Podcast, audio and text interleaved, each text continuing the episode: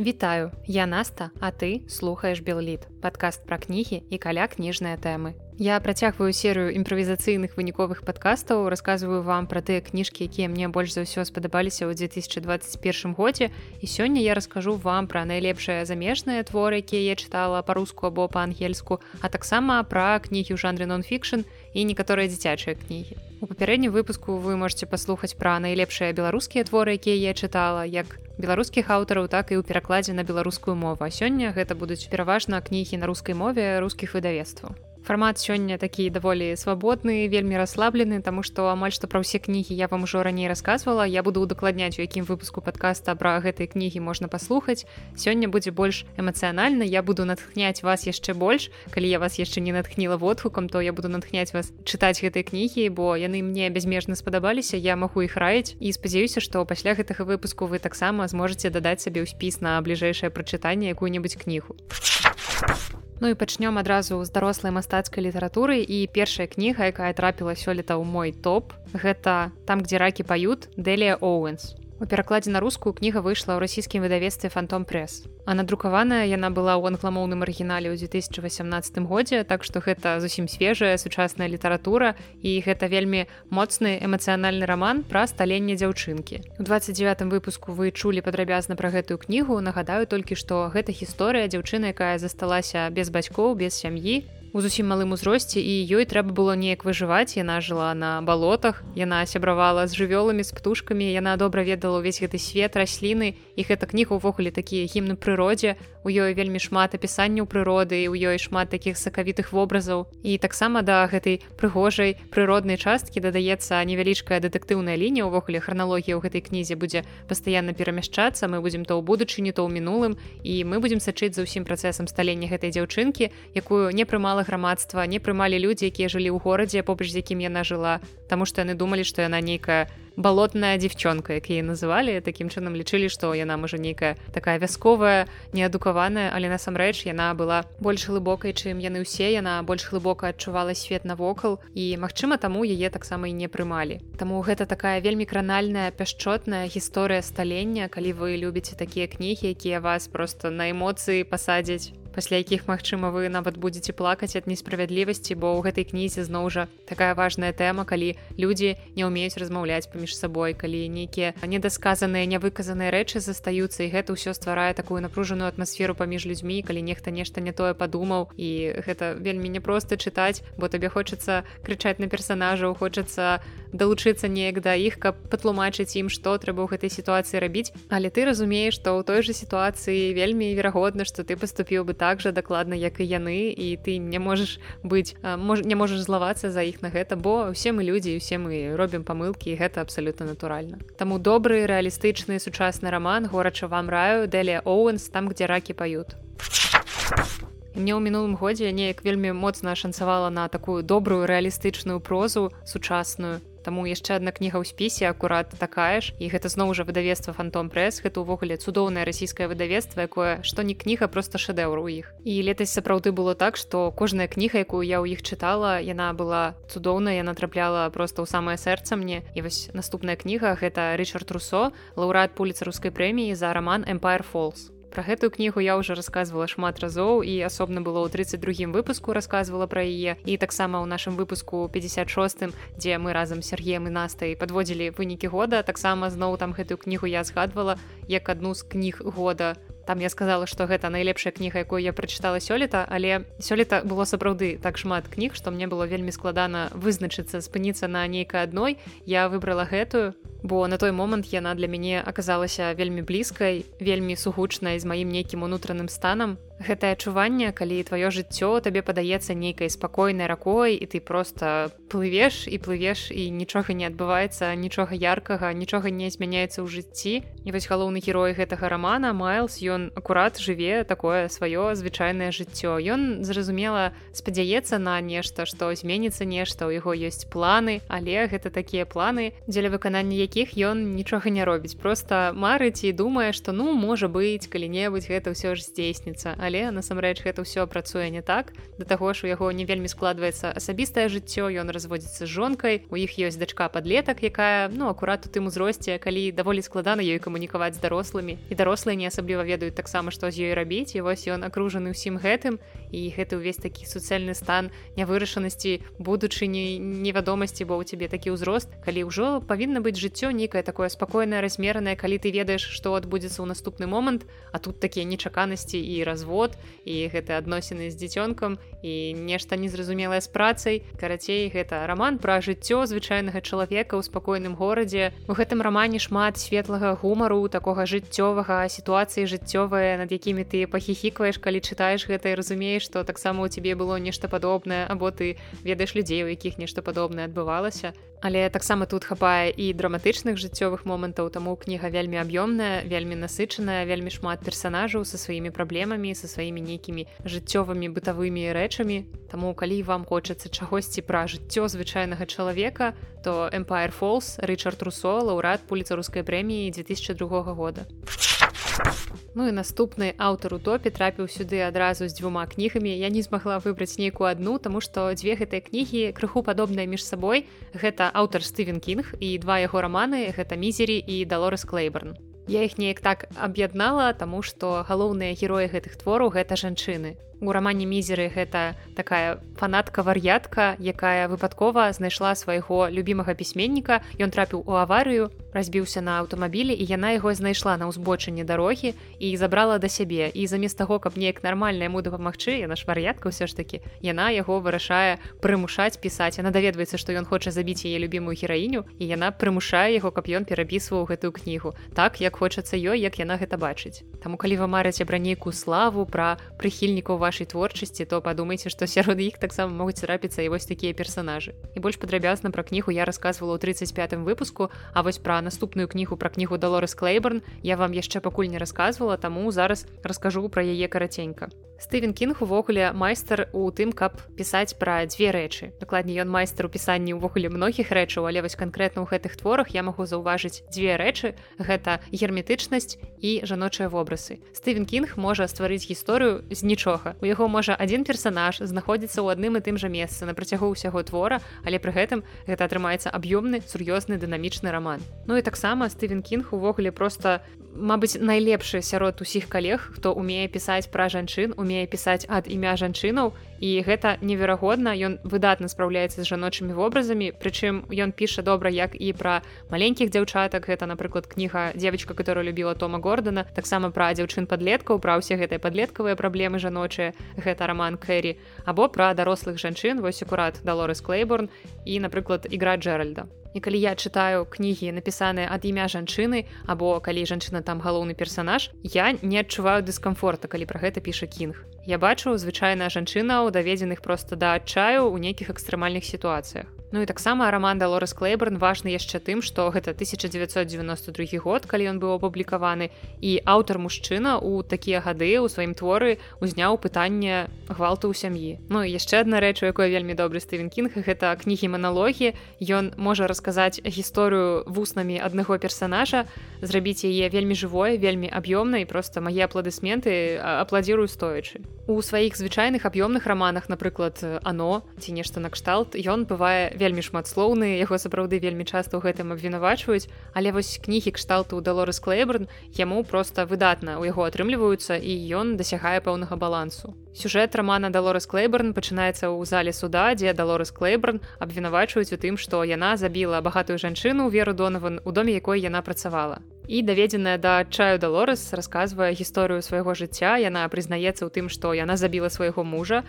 Яна адмаўляе што яна вінавата ў тым што забіла веру бо яна прызнаецца толькі вось у смерці выключна свайго мужа. І роман выглядае як маналог далорыс і ўсю гэтую гісторыю мы бачым яе вачыма. Тут няма ніякіх главаў няма ніякіх раздзелаў. Гэта просто споведь жанчыны яна з яе ліецца на адным дыханні. І вось так жа на адным дыханні гэтая кніга і чытаецца. І ў гэтай гераіні дзякуючы стывену кінгу вельмі моцны вельмі жывы і вельмі праўдападобны голас. І тут няма ніякіх альтэрнатыўных бакоў. Мы бачым гэтую гісторыю толькі з боку гэтай жанчыны. Няма альтэрнатыўных пунктаў гледжання. Кінг просто апісвае вельмі незайздросны лёс жанчыны з маленькага горада дзе ўсе ўсё ведаюць. Але на дапамогу табе ніхто не прыйдзе нават калі цябе б'е мушы калі ўсе пра гэта ведаюць. Таму што ну гэта ваша справа гэта ваша сям'я вы разбіраецеся Ну і такой сітуацыі жанчына або можа просто жыць под гэтым ціскам А што скажуць людзі і ўсё хаваць або яна можа свой лёс узяць у свае руки жыццё сваіх дзяцей лёс сваіх дзяцей таксама ўзяць у руки і ўсё зрабіць як хоча яна. І у нас часам можа ўзнікнуць такое памылковае меркаванне пра тое што мы живвём у цывілізаваным свеце што мы такога ўжо не бачым што 30 гадоў прайшло з моманту напісання гэтай кнігі і гэтыя ўсе пытанні праблемы ўжо не актуальныя. Але гэта няправда і такія часы зусім не прайшлі і ў гэту ж секунду праз такое ж праз што прайшла да лорыс праходзяць і мноства жанчын. І ніколі не варта забываць што ўсё ж такі самыя страшныя монстры ў жыцці гэта людзі а не нейкія там выдуманыя пачвары. Там вось раманы кінга якія расказваюць пра монстраў унутры нас гэта заўсёды найбольш страшна і найбольш моцна чым калі ён напісвае нейкіх прыдуманых там пачвараў. Таму раю вам дзве гэтыя кнігі з гэтай жаночай перспектывай жаночым пунктам гледжання які напісаў стывен кінг гэта мізері і далорыс клейберн Наступны аўтар кнігі якога ў мяне заўсёды трапляюць у топы калі я прачытала ў нейкім годзе кнігу гэтага пісьменніка то яна дакладна ў канцы будзе ў маім падсумаванні. І я крыху сумую што ў мяне ў творчасці гэтага аўтара ўсё ж такі ў хуткім часе чакае пэўная кропка тому што аўтар ужо не жывы ён ужо нічога не напіша. Таму застаецца толькі неяк зацягваць замаруджваць і чытаць больш павольна ягоныя творы каб у мяне заставалася заўсёды нешта ў запасе. І ўсё гэта пра такога цудоўнага нямецкага пісьменніка як эрых марыя ремарк і сёлета я прачытала яго роман земля абітаванная і гэта роман апублікаваны ўжо пасля смерти пісьменніка ў 98 годзе зусім нядаўна трапіў у мяне ў топ найлепшага прачытанага ў мінулым годзе. Не ведаю можа быть гэты роман просто аказаўся вельмі сугучным з той сітуацыяй палітычнай у якой мы знаходзімся цяпер тому что гэта роман пра эміграцыю. У творчасці ремарка увогуле ёсць дзве такія вельмі важныя тэмы. Калі абмінуць тэму кахання якая вядома ж таксама ёсць у яго творах але два галоўныя кірункі у якіх ён рухаўся ў сваёй творчасці гэта вайна зразумела і таксама эміграцыя. Бо ремарк сам зведаў што гэта такое. Я больш падрабязна рассказывала ў 44 выпуску і гэта вельмі балючая для беларусаў кніга паколькі яна пра эміграцыю пра тое праз што цяпер праходзяць многія людзі нават калі яны не эмігруюць самі яны ўсё роўна праз гэта праходзяць бо з'язджаюць іх блізкія з'язджаюць паміраюць іх сваякі сябры і гэта заўсёды вельмі няпроста якая б прычына не стала рухавіком чаму людзі вырашылі пераехаць. На у нас яшчэ і прычыны не самыя вясёлыя Таму калі вас не палохаюць вось такія тэмы трыггеры то я раю вам роман земля абітаванная эрыха марыя ремарка гэта яшчэ і добры твор пра тое як знайсці сваё месца ў новым свеце. Бо калі ты кудысьці пераязджаеш то магчыма ёсць пэўная рамантызацыя гэтага пераезду. Ты думаеш што вось там у новай краіне адразу пачнецца новае жыццё ты будзеш там усім патрэбны ўсё будзе супер і ты просто рамантызуеш гэтае месца уяўляеш яго лепшым чым яно ёсць. А калі прыязджаеш туды то наступае пэўнае такое расчараванне. І вось як з гэтым змагацца як праз гэта прайсці ўсё гэта якраз апісана ў гэтым творы праз усё гэта праходзіць героя ремарка наступныя героі гэтага выпуску гэта таксама твор пра які я ўжо неаднаразова рассказывала і ў 43 выпуску асобна пра ўсю гэтую кнігу і ў 56 выпуску нашым выніковым я рассказывала чаму гэты твор гэты аўтар стаў для мяне ў мінулым годзе адкрыццём. І гэта роберт маккаман і яго жизнь мальчишки зараз у расійскім выдавестве азбука выходзіць перавыданні гэтага пісьменніка. Некалькі яго твораў выйшла ў вельмі жудасным афармленні. Я акурат 56 выпуску на гэта шмат наракаю. Але гэта такі твор які не сапсуе просто ніякае афармленне. Яму нічога не перашкодзіць таму што гэта вельмі моцны роман зноў жа пра сталення вось як першая кніга про якую я рассказывала там где ракі паюць гэта гісторыя сталення дзяўчынкі то тут гэта гісторыя сталення хлопчыка 12гадовы хлопчык які жыве ў невялічкім гарадку 60 і пачынаецца гэты твор з дэтэктыўнай завязкі калі гэты хлопчык разам са сваім бацькам становіцца сведкамі злачынства. І далей гэтае злачынства не дае спакою бацькі але ў гэтым творы не будзе шмат нейкіх дэтэктыўных расследаванняў. Гэтая дэтэктыўная частка хутчэй застанецца нейкай крыху містычнай. А ў астатнім гэта твор пэўнай ступені можна нават аднесці яго да жанру магічны рэалізм тому что тут ёсць рэчы якія мы не до конца разумеем ці гэта прымроілася камусьці ці гэта ў 12гадовага хлопчыка просто такая багатая фантазія. Таму абавязкова ў гэтым годзе буду далей знаёміцца з творчасцю роберта маккамана. Ён мяне здзівіў першай жа кнігай прыемна ўразіў хаця я ўжо чула водгукі што астатнія яго кнігі будуць не такія моцныя. Я тут пачала адразу з цяжкай артылерыі таму далей мяне могуць чакаць расчараванні але я не баюся калі наступныя кнігі будуць хаця б на там 70 60 процентаў такія ж як і гэтая то гэта ўжо ўсё будзе недарэмна. Таму роберт маккаман жизнь мальчишки горача вам рэкамендую чытаць. І ўсе творы папярэднія пра якія я рассказывала гэта збольшага сучасная літаратура. Гэта ўсе творы якія былі напісаныя пасля 90-х гадоў. А цяпер я звярнуся да класікі да заўсёды актуальнай класікі асабліва аўтара які ў беларусі неверагодна актуальны няхай з іншым творам і гэта Джордж Оруэлл і яго аўтабіяграфічны роман down and out in Parisson London гэтую кніжку я чытала ў арыгінале але ёсць беларускага пераклада няма ёсць рускі пераклад фунты ліха в паріжы і лондоне і пакуль што ў асобным выпуску я пра гэтую кнігу яшчэ вам не рассказывала дакладна раскажу ў адным з наступных Таму што гэта твор які мне хочацца раіць усім хто думае што творчасць орвала абмяжоўваецца выключна адным. Добра калі нехта яшчэ ведае таксама і ферму атрымліваецца двума творамі. Бо ёсць у творчасці орвала і іншыя вельмі моцныя творы і моцная акурат вось тым што гэта амаль не прыдуманая літаратура. Гэта тое што зведаў сам орвал і паводле свайго ўласнага досведу ён напісаў гэты твор І тут у назве тлумачыцца акурат усё. Орвула давялося жабраваць у гэтых гарадах і ў Парыжы і ў Лондоне, якім ён толькі не працаваў, чым ён толькі не займаўся. Гэта сапраўды вельмі страшны твор.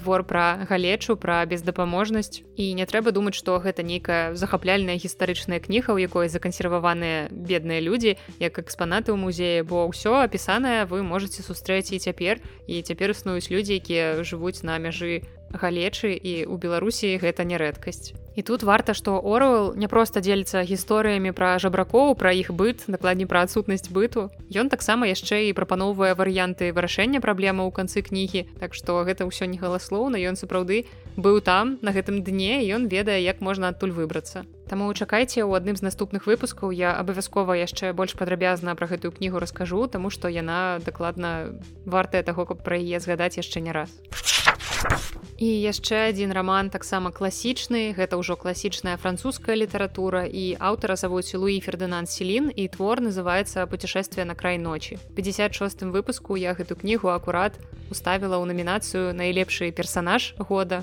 Таму што галоўны герой гэтага твора мяне сапраўды зачараваў як увогуле ўвесь твор.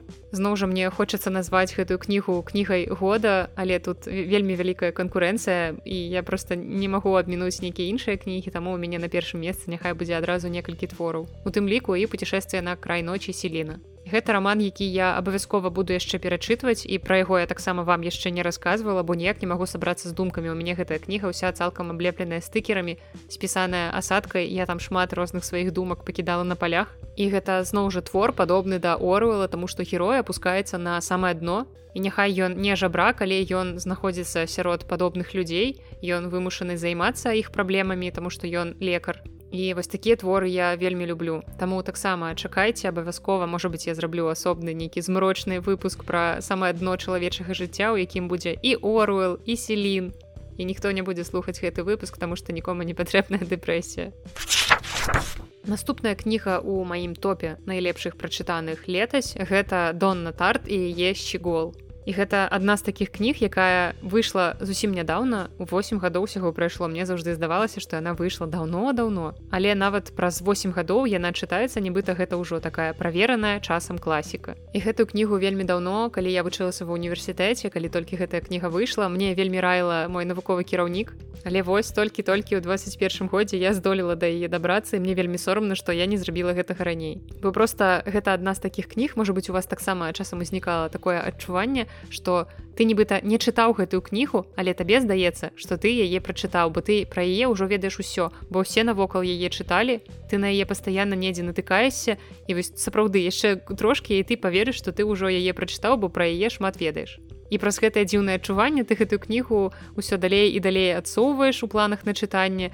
І вось гэтае эфемернае пачуццё што ты гэтую кнігу ўжо ведаеш ты яе чытаў яно не дае табе сапраўды атрымаць асалоду ад кнігі але я ўсё ж таки сабралася я ўзяла ў руки кнігу і гэта цудоўнае адчуванне калі ты разумееш што ўсё было недарэмна. І вось адна такая кніга яна кіруе табой каб ты дастаў з паліц самыя забытыя кнігі пра якія таксама табе здавалася што ты ўжо ўсё ведаеш каб ты бы хутчэй іх прачытаў. Вось кніга донны тарт мяне акурат наштурхнула на тое каб дастаць паліт даўно забытая ізноў гэта гісторыя сталення. Я вельмі люблю такія кнігі. Сёлета было яшчэ некалькі кніг якія ў топ не трапілі але якія таксама мяне зачапілі на гэтую тэму. Напрыклад гэта время страсцей чалавеческіх выдатнага пісьменніка сомерсета моема з якім я пазнаёмілася яшчэ год таму праз іншы ягоны твор. І вось потым працягнула знаёмства з гэтай кнігай і гэта таксама гісторыя сталення чалавека або таксама адзін з маіх самых любімых твораў. Гэта роман Джона ірвинга мир глазами гарпа або мир по гарпу існуе некалькі варыянтаў перакладу назвы. Гэта таксама гісторыя жыцця чалавека ад нараджэння і да конца жыцця. Люблю такія кнігі калі ёсць магчымасць назіраць як развіваецца персонаж Ну і роман щегол гэта таксама гісторыя сталення гэта тео декер хлопчык які мне крыху нагадваў холдена колфілда з над пропасцю варжы гэта таксама цікавы аб'ёмны роман з мноствам каларытных персонажаў гэта роман пра гісторыю мастацтва пра сілу мастацтва пра здольнасць мастацтва мяняць жыццё людзей пра страты пра гора пра нейкі няправільны выбар які робіць чалавек. Карацей гэта вельмі вельмі шматгранны роман Таму калі вы таксама шмат чулі пра гэты роман але ўвесь час яго адкладвалі то я раю вам не адкладваць ён сапраўды таго варты. Гэта не адна з тых кніжак пра якія ўсе гавораць гавораць Але калі ты чытаеш яго ты разумееш што ён пусты у ім нічога няма і толькі гэта нейкая распіяранасць прыклад магу прывесці роман шантарам які я не ведаю мне здаецца нават не рассказывала ніколі ў гэтым падкасці але гэта жахлівы роман які я нікому не раю чытаць. Але таксама распіяраны ўсе яго любяць чамусьці асуджаю толькі асуджаю і дарэчы я чытала ўжо атрымліваецца усе кнігі донны тарт і толькі щегол выклікаў ва мне такія пачуцці. Не тайная гісторыя не маленькі друг яны мяне так не ўразілі. А вось я чакала што щегол стане нейкім пераломным момантам і сапраўды так і адбылося. І ў прынцыпе мае знаёмыя якія таксама чыталі ўсе тры кнігі казалі што верагоднасць што больш за ўсё мне спадабаецца менавіта гэты твор і яны не падманулі. Таму цяпер раю вам калі вы таксама чыталі творы донны тарт іншыя і яны вам не прыйшліся даспадобы раю ўсё ж такі звярнуцца да гэтай кнігі. Я думаю што можа быць яна таксама стане для вас пераломнай.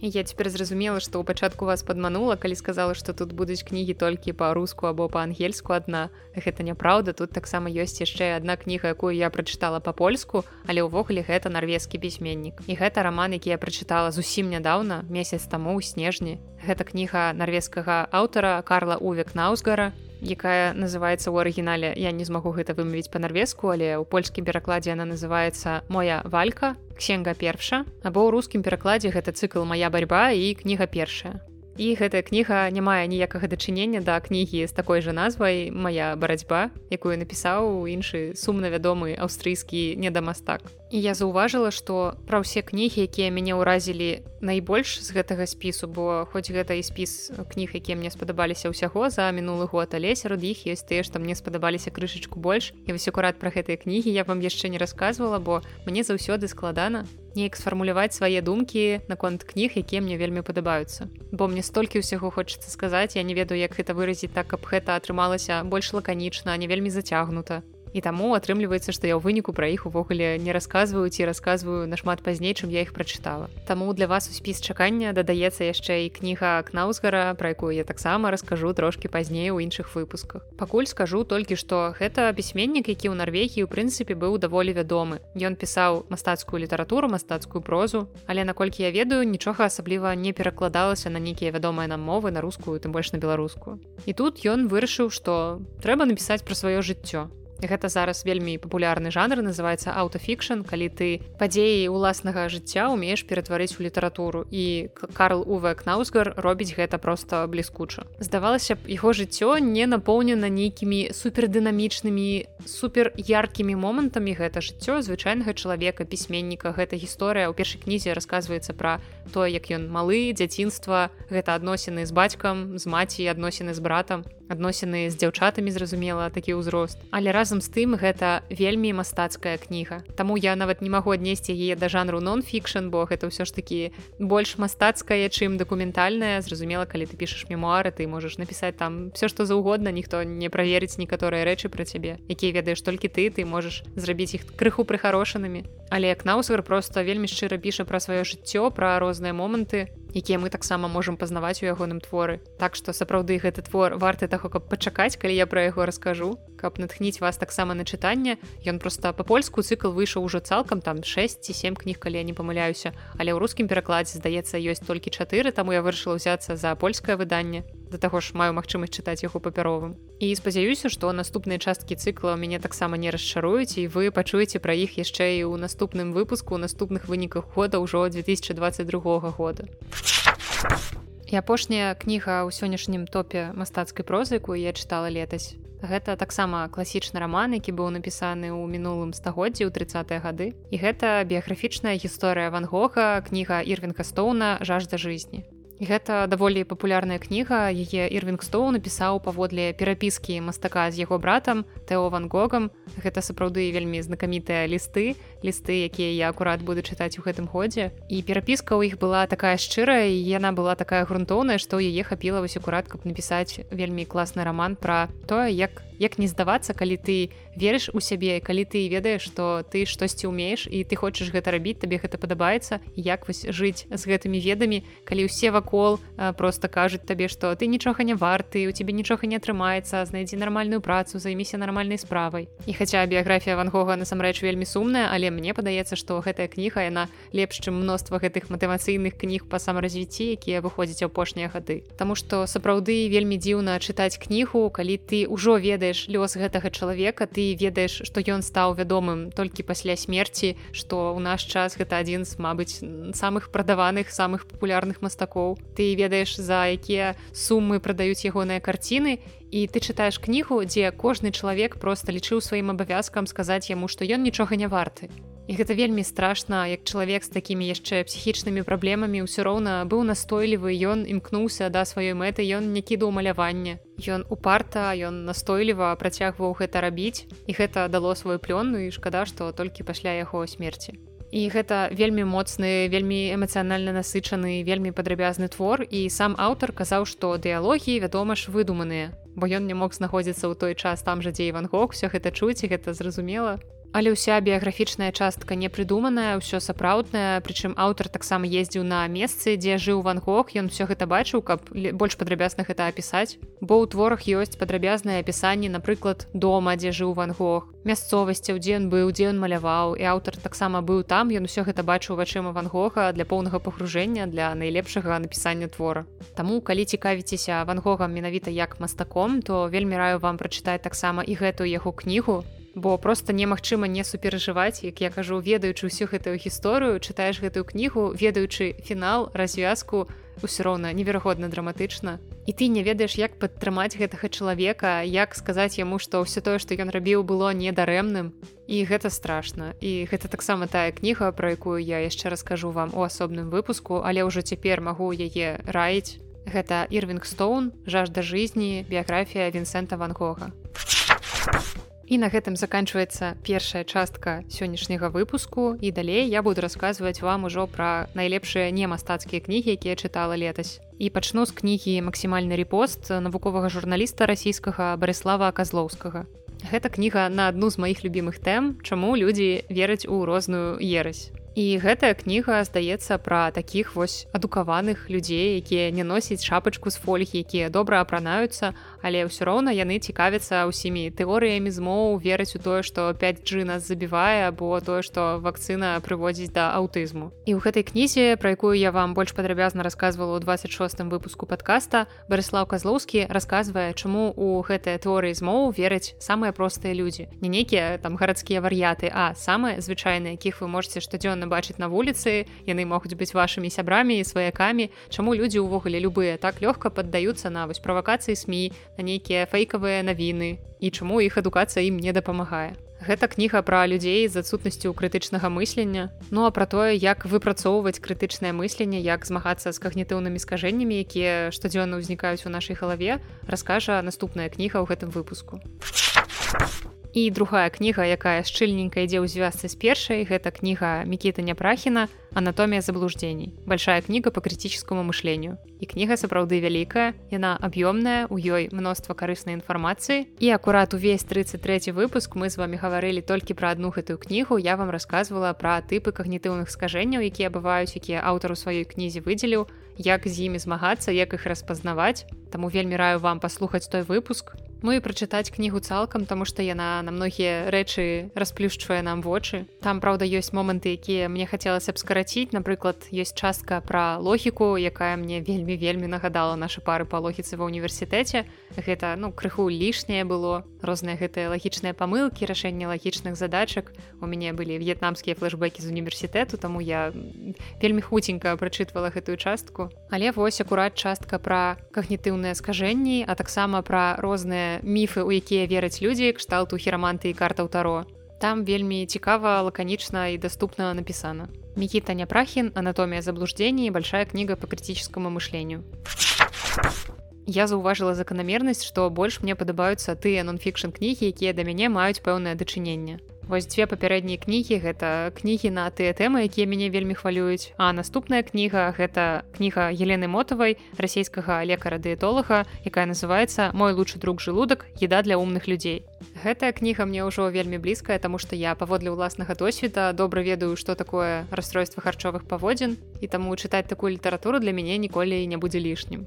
Як у прынцыпе і не будзе лішнім для ўсіх людзей якія просто хочуць больш падрабязна даведацца пра тое як працуе наш страўнік. Усе сістэмы з ім звязаныя як увогуле наладзіць здаровыя адносіны з ежай.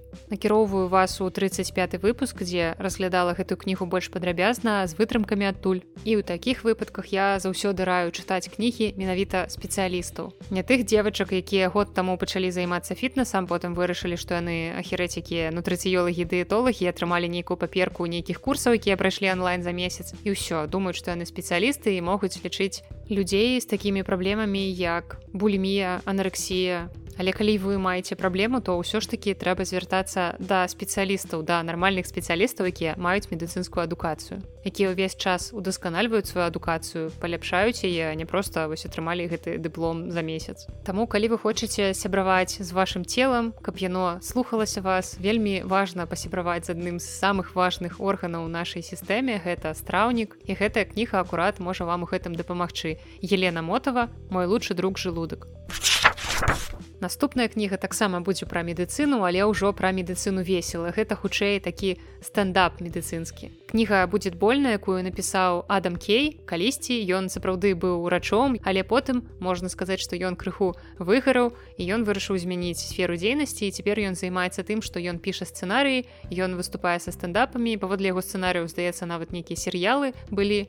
І чалавек знайшоў сваю нішу, зразумеў, што ён можа займацца ў жыцці чымсьці, што прыносіць яму больш асалоды чым медыцына і пры гэтым патрабуе ад яго меншых высілкаў маральных і фізічных. І ён малайчына што ён гэта зрабіў што ён своечасова гэта зразумеў. Але цяпер пасля такога вялікага багатага жыццёвага досведу ён можа пісаць пра гэта кнігі пісаць з гумарам пісаць любоўю часам указваюць людзям на пэўныя хібы брытанскай сістэмы аховы здароўя якія я думаю часам універсальныя для многіх краін. І у 51 выпуску пра гэтую кнігу было больш падрабязна самымі сакавітымі гарачымі 18 18 плюс цытатамі Таму калі вам трэба ўзняць настрой калі вам не страшна што вы будетеце чытаць пра нейкія рэчы кшталту каланаскапіі калі вы не лічыце што цела чалавека гэта нейкая забароненая тэма пра якую зусім нельга жартаваць у іншым выпадку кніга вам катэгарычна не спадабаецца бо шмат у ёй такіх жартаў на мяжы. Чорны чорны такі тоненькі гумар.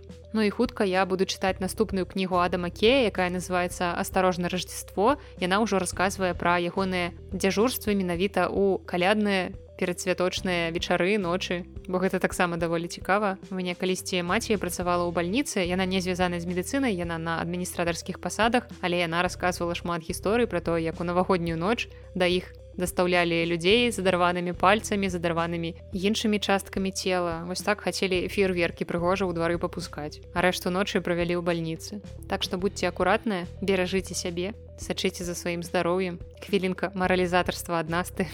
Але кніга будзе больна сапраўды вельмі вясёлая вельмі дасціплая раю вам калі вы не баецеся чытаць на такія тэмы Сёлета я чытала шмат медыцынскага нон-фікшана і таму не дзіўна, што многія з гэтых кніг трапілі ў топ года.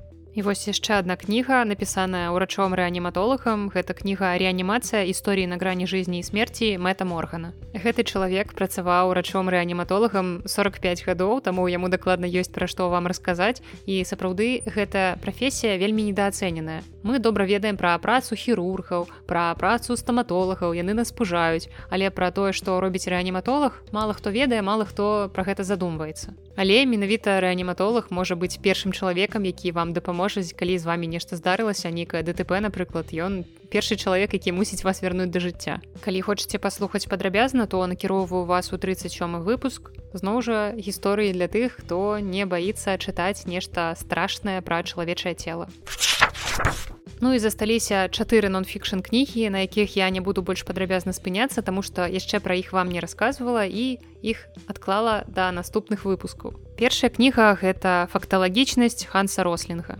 Гэта кніга, якая можа ўзняць вам настрой і можа крыху змяніць вашы погляды на свет, калі яны ў вас негатыўныя. Гэта кніга раскажа нам, чаму мы лічым, што ўсё горш, чым ёсць насамрэч. Наступная кніга гэта брідовая работа Дэвіда Грэбера.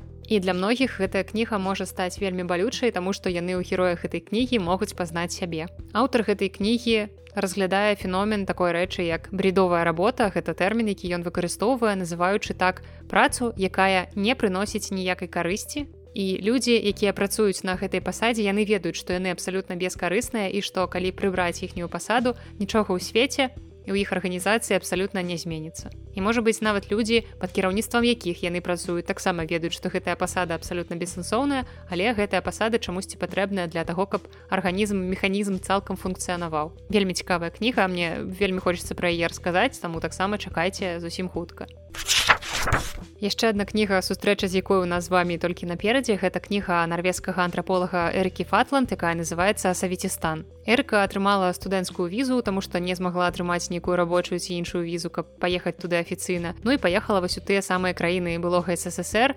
узбекістан кірхістан таджикістан Казахстан і Туркменістан. І я ўвогуле ніколі не планавала чытаць гэтую кнігу. Я не думала, што калісьці нам не трапіць у рукі, я ўвогуле не ведала пра яе існаванне, але ёсць такая штука на сайце лайфліп.ру. Гэта сацыяльная сетка для тых, хто чытае кнігі. І гэтая штука называецца навагодні флешмоб. Ты прапісваеш спіс сваіх пажаданняў і спіс таксама сваіх абмежаванняў і людзі раяць табе кнігі. І просто так ты не можаш адмовіцца калі просто табе не падабаецца гэта кніга. Калі няма абмежавання ў тваім спісе то ты мусіш гэтую кнігу прыняць і за год яе прачытаць. Зразумела што ўсё роўна гэта рэч такая добраахвотная. Ты не абавязкова мусіш выконваць правілы але я гуляю па правілах і ўжо 7 гадоў дзельнічаю гэтым флешмобе і кожны раз ён мяне толькі радуе. І вось летась першая кніга якую мне параілі ў гэтым флешмобе з 12 была акурат гэтая кніга. Я яшчэ вельмі скептычна на яе паглядзела і подумала ё-маё я не буду чытаць пра Казахстан. Мне не вельмі цікава чытаць пра казахаў узбекаў. Ну гэта не самыя цікавыя для мяне краіны. Іншая рэч што я і не асабліва шмат пра іх ведаю але ў мяне не было жадання ведаць больш Гэта цяпер у нас усе такія эксперты по Казахстане сталі але раней гэта краіна не асабліва выклікала нейкія цікавасці. Ну мы ведаем там розных аўтакратычных лідараў гэтых краін тому что як бы маем нешта падобнае ў сябе але ну все больш мне нічога не трэба было ведаць. Ну яшчэ таксама моя бабуля нарадзілася ў сталіцы туркменістану але яна там амаль не жыла адразу яны пераехалі. І яе нараджэнне там было абсалютнай выпадковасцю. Так што да кнігі я падыходзіла скептычна але мае скепсісы ўсе гэтыя зруйнаваліся літаральна з першых жа старон старонак і чаму гэта адбылося слухайце ў адным з наступных выпускаў будзе пра кніжку больш падрабязна і апошняя кніга пра якую таксама будзе падрабязна яшчэ ў наступных выпусках але можа быць і не ўсе захочуць пра гэта слухаць больш падрабязна бо кніга на вельмі складаную тэму. Гэта кніга расійскай журналісткі саша сулім якая называется безлюднае место как ловят маньяков Росіі і спойлер ніяк. Гэта гісторыя пра ангарскага маньяка які быў затрыманы толькі нядаўна. Ён шмат гадоў гвалтаваў забіваў жанчын і заставаўся беспакараным. Вось толькі нядаўна яго злавілі і гэта вельмі страшная кніга таму што яна паказвае на якім узроўні знаходзіцца крымінальная сістэма ў рассіі і не трэба думаць што гэта далёкая ад нас краіна бо наша сістэма знаходзіцца на такім жа ўзроўні калі не на горшым. Шанцуе толькі што ў нас магчыма не такія маштабы краіны але серыйныя забойцы сустракаліся і ў жыцці нашай краіны і таксама пошукі іх вяліся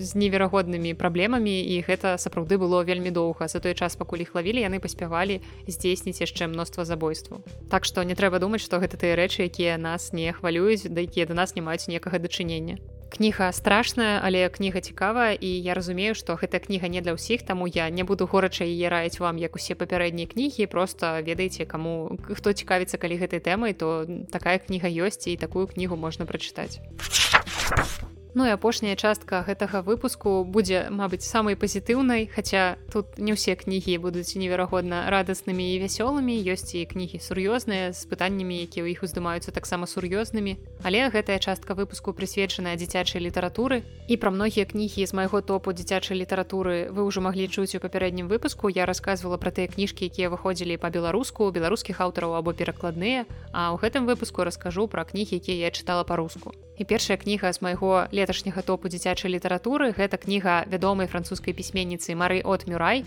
Яна называется спасителі сын і гэта не проста кніга яна мае падзагаловак серыял і кожная частка гэтага цыклу называется спасителі сын сезон 1 сезон 2 і гэтак далей. Летась выйшаў ужо калі я не памыляюся шосты сезон. Я пакуль прачытала ўсяго тры і вось акурат у 21 годзе я чытала другую трэцюю частку і трэця мне спадабалася яшчэ больш чым другая. Першая была просто неверагоднай. І гэта не зусім дзіцячая кніга. На ёй стаіць нават абмежаванне 18 плюс бо тэмы якія там закранаюцца яны сур'ёзныя яны вельмі дарослыя і вельмі жыццёвыя. І трэба зрабіць лічыльнік колькі разоў за гэты выпуск я назвала кнігу яе сюжэт жыццёвым. Про ўвесь цыкл я раскажу таксама падрабязна калі яго дачытаю. Засталося мне яшчэ тры кнігі калі за гэты час мары от мюрай не напіша яшчэ одну пакуль толькі караценька апішу вам сюжэт і гэта тая кніга якую можна чытаць разам з дзецьмі і дарослым таксама будзе цікава. Гэта гісторыя чалавека якога насамрэч завуць спаситель спаситель сант-ів і ён псіхолог але ён спецыялізуецца на дзецях або на сямейнай тэрапіі калі бацькі разам з дзецьмі і ў яго таксама ёсць сын якога завуць лазар. І яму здаецца каля 9 гадоў ці нешта такое ўжо не памятаю першай кнізе колькі яму там было. І бацька прымае сваіх пацыентаў дома у задняй частцы кватэры і таму лазар вельмі часта падслухоўвае тое што расказваюць дзеці. І там дзеці рознага ўзросту ад зусім маленькіх да старэйшых і праблему іх таксама розныя напрыклад у адной сям'і маці развялася з бацькам і цяпер жыве з іншай жанчынай або таксама там ёсць дзяўчынка якая не хоча быць дзяўчынкай яна хоча быць хлопчыкам. Таму ў школе яна дзяўчынка але калі ніхто яе не бачыць яна пераапранаецца ў хлопчыка і ў такім выглядзе ходзіць на вуліцах. І вось аднойчы яе аднакласнікі можна сказаць яе спалілі сфотаграфавалі і потым шмат здзекаваліся з яе ў школе. Таму я і кажу што гэта кніга якую можна чытаць разам з дзецьмі можна чытаць проста асобна калі вы дарослы калі у вашых дзяцей ёсць таксама праблемы і вы хочаце ім чымсьці дапамагчы то гэтая кніга можа стаць таким нават даведнікам па гэтых праблемах. Мне ўвогуле вельмі падабаюцца кнігі Марыот Мюрай, я ўжо чытала шмат яе твораў і гэта класная сучасная французская проза вельмі актуальная ў яе героі заўсёды вельмі жывыя кнігі вельмі смешныя ў яе класнае пачуццё гумару. Акурат нядаўна я яшчэ прачытала яе кнігу умнік якая расказвае гісторыю хлопца яму здаецца 17 гадоў і ягоны старэйшы брат мае пэўныя праблемы ў развіцці. І ён не хоча каб яго аддавалі ў які-небудзь інтэрнат таму ён сам бярэ яго на выхаванне. І атрымліваецца што ён сочыць за старэйшым братам хаця здавалася б мусіла быць усё наадварот. Але ён так любіць свайго брата што гатовы ісці на такія ахвяры можна сказаць што ён ахвяруе сваім сваім уласным асабістым жыццём. Мне вельмі шкада што не заўсёды бацькі разумеюць што гэтыя праблемы гэтае пытанне вельмі важна яны баяцца чытаць гэтай кнігі яны ў кнігарню у нас просяць чагосьці вечнага светлага савецкага якога-небудзь да чаго яны прывыклі і не разумеюць што свет змяніўся час змяніўся і дзеці сталеюць ужо зусім інакш і іх цікавіць зусім іншыя тэмы пра якія бацькі баяцца размаўляць лічаць іх табуяванымі але калі ну ты баішся паразмаўляць з дзіцёнкам на гэтую тэму дай яму кніжку няхай ён разбіраецца сам а потым разам вы зможаце гэта абгаварыць. Так што не бойцеся даваць дзецям кнігі на сур'ёзныя складаныя тэмы. Нават калі вы бачыце на гэтай кнізе па знаку 18 плюс прачытайце яе самі. Упэўніцеся што няма нічога страшнага бо часам сапраўды гэтыя маркіроўкі нічога не значаць абсалютна нічога. Так што не бойцеся каб ваши дзеці эксперыментавалі ў літаратуры гэта ім не зашкодзіць наступная дзіцячая кніга таксама з будучыні я вам пра яе яшчэ раскажу. Гэта кніга аўтаркі якую таксама я ўжо чытала. Гэта сара пенні пакер і яе кніга здесь в рэальным мире у мінулым дзіцячым топе у мяне была іншая яе кніга кніга пакс але кніга здесь в реальным мире мне спадабалася яшчэ больш хаця здавалася б ужо пасля пакса вельмі цяжка нешта больш эмацыянальнае напісаць. Але здесь в реальным мире гэта вельмі блізкая мне гісторыя гісторыя хлопчыкага які жыве ў сваім уласным прыдуманым свеце які вельмі любіць фантазіраваць. Ён у сваім свеце нейкі рыцар ён будуе палацы. Але ягоным бацькам хочацца каб ён быў трошки больш набліжаным да рэальнасці каб ён жыў здесь в реальным мире каб ён камунікаваў са сваімі раве ровеснікамі каб ён гуляў разам з імі. А яму не хочацца гэтага рабіць. Ён пакуль не знайшоў нейкіх блізкіх сяброў якія былі б сапраўды блізкімі з якім яму было б цікава гуляць размаўляць. І ў такой сітуацыі мне падаецца на бацькоў лепш не ціснуць дзеці знойдуць свой шлях як гэты хлопчык галоўны герой кнігі здесь реальным мире ён яго знайшоў. І гэта вельмі прыгожая кніга пра сяброўства кніга пра зноў жа моц дзіцячай фантазіі і таксама яе раю чытаць не толькі дзецям Вось у мяне дзяцей няма, але ўсё роўна я чытаю шмат літаратуры і нягледзячы на тое, што у мяне ёсць малодшы брат, яму 12 гадоў але ён так сабе чытач ён спартсмен і мы з ім не так часта бачымся каб абмяркоўваць нейкія кнігі ды ён у прынцыпе ўжо гары потара які год чытае Хаця кажа што яму цікава але ў прынцыпе ўвесь працэс чытання для яго цяжкі ён яго напружвае і можа быць калі б мы жылі разам я б неяк мела магчымасці на гэта паўплываць але калі вы жывяце не разам то вельмі складана нешта з гэтым зрабіць. Ну і я таксама не за нейкае гвалтоўнае насаджэнне чытання. Гэта не самая абавязковая рэч у жыцці насамрэч. Асабліва калі прыходзяць бацькі і кажуць як прымусіць прымусіць маіх дзяцей чытаць калі ты запытваеш а ты сам чытаеш ён кажа не не чытаю Ну як што ты хочаш прымусіць яго рабіць то што сам не робіш які сэнс у гэтым Так што хопіць пра сумная кніга сары пенніпакер здесь в реальным мире выдатная гісторыя не толькі для дзяцей Ну і апошняя гісторыя ў сённяшнім выпуску апошняя кніга якая для зусім зусім маленькіх дзетак прызначаная гэта неверагодна вядомая гісторыя якую напісала вядомая пісьменніца Джулія Дональдсон. Кніга называется груфала хаця насамрэч ён графала але ў расійскім перакладзе атрымаўся груфала гэта гісторыя пра адну пачвару якая насамрэч аказваецца зусім не пачварай. Я думаю калі у вас ёсць дзеці вы ўжо стосоткава знаёмыя з творчасцю Джулі Дональдсон бо вельмі цяжка ўявіць бібліятэку сучаснага дзіцёнка без гэтай кнігі так жа як і без кніг свена нуртквіста або юі вісландер Так што калі ў вас ёсць малыя пачынаючы ад трох гадоў то Джулія Дональдсон гэта аўтарка на якую варта звярнуць увагу. Ну і груфала гэта кніжка вартая прачытання. Таксама мне здаецца што ёсць нават экранізацыя можна ўсё гэта і паглядзець і будзе яшчэ цікавей і мае слухачы якія любяць больш доўгія выпускі Мабыць вось апошнія ўсе выпускі вельмі радуюцца таму што гэта выпускі гадзіну і больш. І гэты выпуск таксама будзе недзе працягласцю каля гадзіны наколькі я ўжо бачу. Спадзяюся што пакуль у вас ёсць крыху сіл вы адпачылі і пачынаеце гэты год новы з новымі сіламі я вось такім падсумаваннем вынікаў свайго году крыху закрываю літаратурны год. У мяне для вас яшчэ ёсць канешне ж гісторыі пра ўсе гэтай кнігі якія я вам абяцала. Але неяк так агулам я скідваю сябе ўвесь гэты груз і хутка ўжо зусім пачну вам расказваць пра новыя свеженькія кнігі якія я чытаю акурат цяпер. Ужо нават ёсць пра што расказаць. Я ўжо паспела за гэтае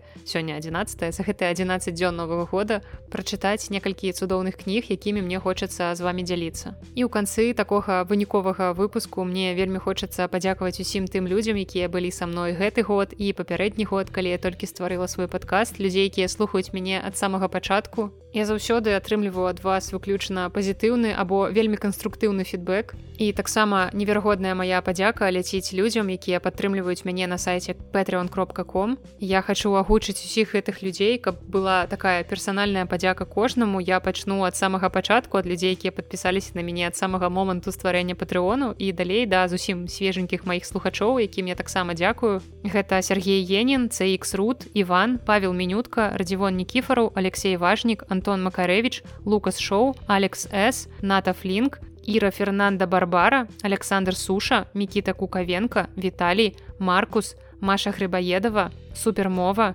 Михаил Ширко, Денис Лагун, Юби, Дмитрий Силин, Наталья Сацункевич, Максим Александров, Йогич, Андрей Скиндер, Патрик Бейтман, Георгий Пугачев, Юрий, Лусине, Дмитрий Колянчук, паўлік вентальдзі антось і александр паўкалас вельмі выбачаюся калі я няправільна агучыла чы ёсць імя. Напішыце мне каб я ў наступных выпусках калі буду агучваць ваше імя зрабіла ўсё правільна. І дзякую усім гэтым 34 людзям я ўвогуле калі стварала патрыон я не ўяўляла што вас будзе так шмат. І для ўсіх патронаў на patreon кропка com у мяне будзе спецыяльны святочны розыгрыш Я спецыяльна праводжу ўсе гэтыя розыгрышы не ў канцы снежня ці ў пачатку студзеня, а крышку далей, каб у вас крыху расцягвалася гэта адчуванне свята і каб падарункі вас даганялі і потым. І хоць я сама не святкую, але прыемна рабіць цуды і свята для іншых. Так што зусім хутка чакайце на патрыоне вас чакае вялікі розыгрыш, розыгрыш майго кніжнага букбоксу. Зараз такія розыгрышы я праводжу ў сябе ў тэлеграм-канале Белліт. таксама далучайцеся, калі яшчэ не слухаеце. Там я разыгрываю святочныя кніжныя боксы, якіх вас чакае некалькі кніг прычым я старалася кіравацца вашымі парадамі я спытала што б вы якія кнігі хацелі там бачыць і стараюся напаўняць гэтыя кнігі згодна з вашымі пажаданнямі плюс да кніг там таксама ёсць нататнікі алоўкі нешта смачнае розныя прыемныя дробязі якія я спадзяюся вас парадуюць так што далучайцеся да канала каб паўдзельнічаць у розыгрышы і таксама будзе такі вялікі розыгрыш адной вялікай скрынкі для патронаў на patreon кропка com я не ведаю ці слухае хто-небудзь з вас до конца вось гэты выпуск ці можа быть вы ўжо ўсё праматалі але самая цікавая інфармацыя інфармацыя заўсёды ў канцы таму заўсёды слухайце ўсё до конца. Гэта як у марвел сцэна пасля тытараў Ну і таксама вельмі важная рэч якая адбылася за мінулы год гэта тое што стала мала аднаго подкаста і цяпер у мяне ёсць яшчэ адзін. Это наш агульны з настай падкаст які называется кніжная шафа наста гэта моя калега з кнігарні і яна прыйшла да мяне і сказала чаму б нам не замуціць падкаст для нашай кнігарні? Нам жа ёсць пра што расказаць. У нас штодзённа шмат цікавых наведвальнікаў пастаянна розныя гісторыі адбываюцца. Мы звычайна адна з адной тэлеграме гэтымі гісторыямі гісторыямі дзелімся або ў рабочым чаціку і чаму б гэта неяк так не апублічыць? Бо гісторыі заўсёды вельмі пазітыўныя вельмі вясёлыя. І вось так мы запісалі ўжо на сённяшні момант 6 выпускаў 5 з іх было ў мінулым годзе і свежы шосты выпуск першы ў гэтым годзе вы ўжо можете паслухаць. У апісанні да гэтага выпуска будзе спасылка на ўсе пляцоўкі для праслухоўвання там у першым і другім выпуску гук так сабе але калі вы дачакаецеся далей трэці і наступныя там уже ўсё будзе добра. І яшчэ одна вельмі важная рэч якую я зрабіла за мінулы год дакладней пачала рабіць хаця б у канцы года я перастала займацца пракрастынацыяй і зрабіла гэтую сапраўды важную рэч. Я пачала заліваць выпускі свайго подкаста на YouTube тому что чула ад вас шмат просьбаў наконт гэтага бо многія людзі слухаюць сапраўды подкасты ў форме Ютуба не абавязкова каб там было відэа просто гук. Ім зручна просто слухаць на гэтай пляцоўцы і і я подумала чаму б не. Да таго ж YouTube гэта зручнае месца дзе можна пакідаць каменты дзе можна выказваць свае меркаванні наконт тых ці іншых выпускаў яшчэ ў фармаце палец уверх палец уніз што таксама для мяне будзе вельмі карысным каб я разумела куды кіравацца ў якім кірунку далей ісці. Таму спадзяюся што за студзень я ўжо залью ўсе выпускі наяўныя на дадзены момант туды і потым буду заліваць паралельна і будзе падказ з'яўляцца на ўсіх пляцоўках плюс таксама на Ютубе. Ну і у прынцыпе на сёння гэта ўсё і з навінамі і сённяшнім выпуск выпускам. Няхай вас парадуе яго даўжыня. Я ведаю многія слухаюць гэта ўсё роўна на хуткасці x2 таму гэтая гадзіна праляціць у два разы хутчэй. Ну і думаю далей падкаст будзе выходзіць у звычайным рэжыме у звычайным фармаце раз на тыдзень. Часам вядома ж буду дазваляць сабе невялікі адпачынак. У першую чаргу ясна што для сябе але таксама і для вас. Але спадзяюся на далейшую сваю стабільнасць таксама. Дзякую што даслухалі да гэтага моманту. І на сёння гэта ўсё. З вами была наста і падкаст белліт. Да сустрэчы